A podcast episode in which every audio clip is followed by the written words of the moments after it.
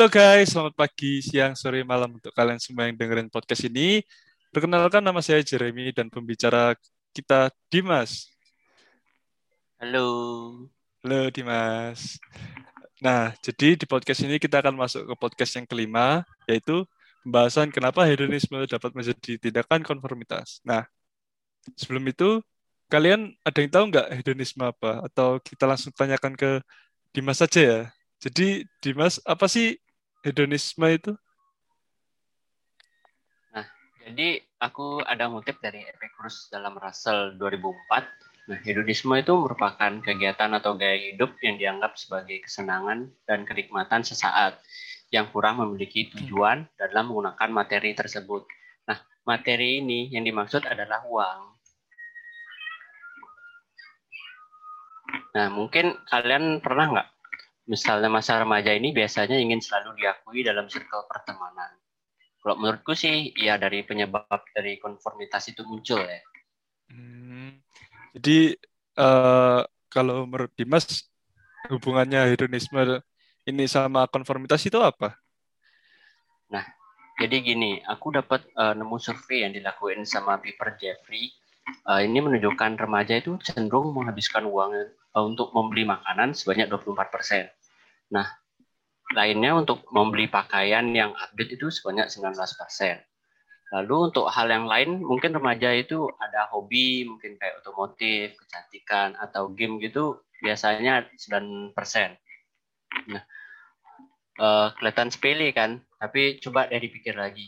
Uang yang harusnya kita bisa tabung itu malah kita habisin untuk hal yang belum tentu terlalu penting gitu loh.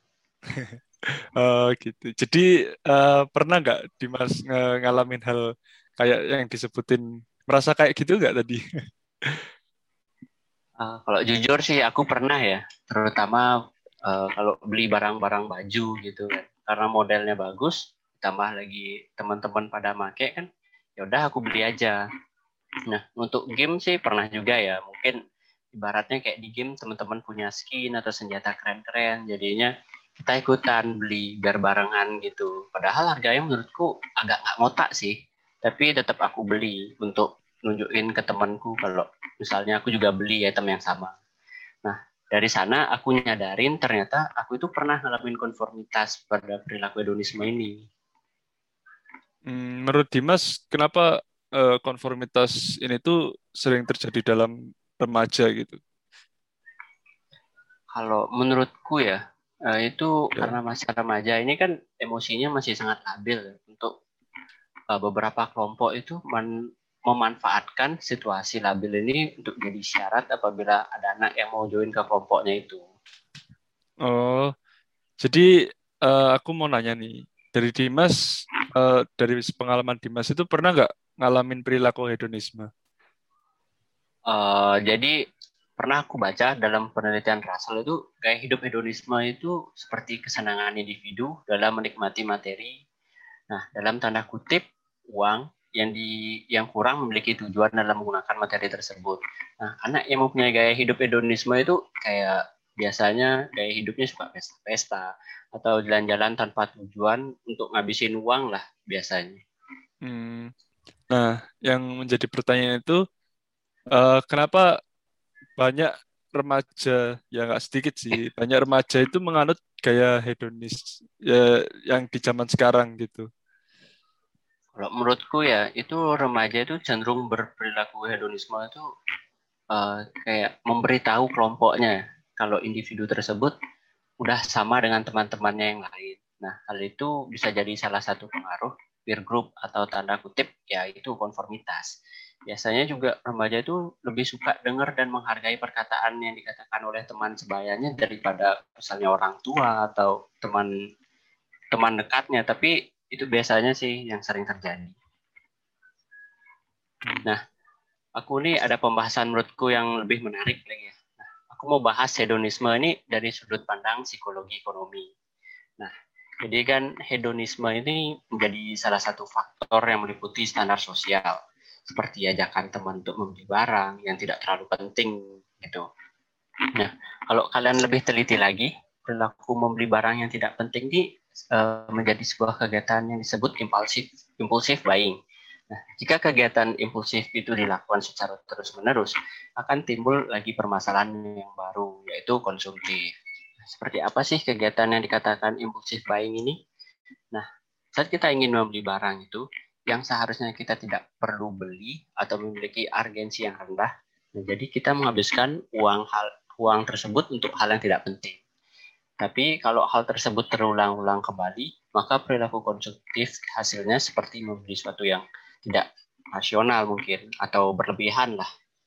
Nah, jadi pernyataan tadi itu diperkuat oleh penelitian dari Rianton pada tahun 2013. Nah, kalau perilaku konformitas oleh teman sebaya itu memiliki hasil yang signifikan terhadap gaya hidup hedonisme dengan persentase 23 persen. Oh, jadi gitu ya. Uh, sampai ada sudut pandang dari psikologi ekonomi segala ya. nah, pasti ya. Pasti banyak kan dari kalian yang mendengarkan podcast ini. Gimana sih kak cara keluar dari hedonisme? Gimana sih caranya biar nggak hedon terus? Aku juga mau nabung. Nah, gimana nih Dimas cara solusinya untuk bisa keluar dari hedonisme itu?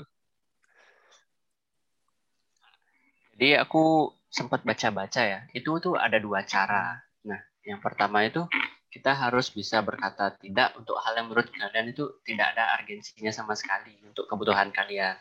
Nah, habis itu membentuk regulasi diri agar dapat mengurangi perilaku tersebut dan mencoba untuk mengurangi pengeluaran yang tidak penting.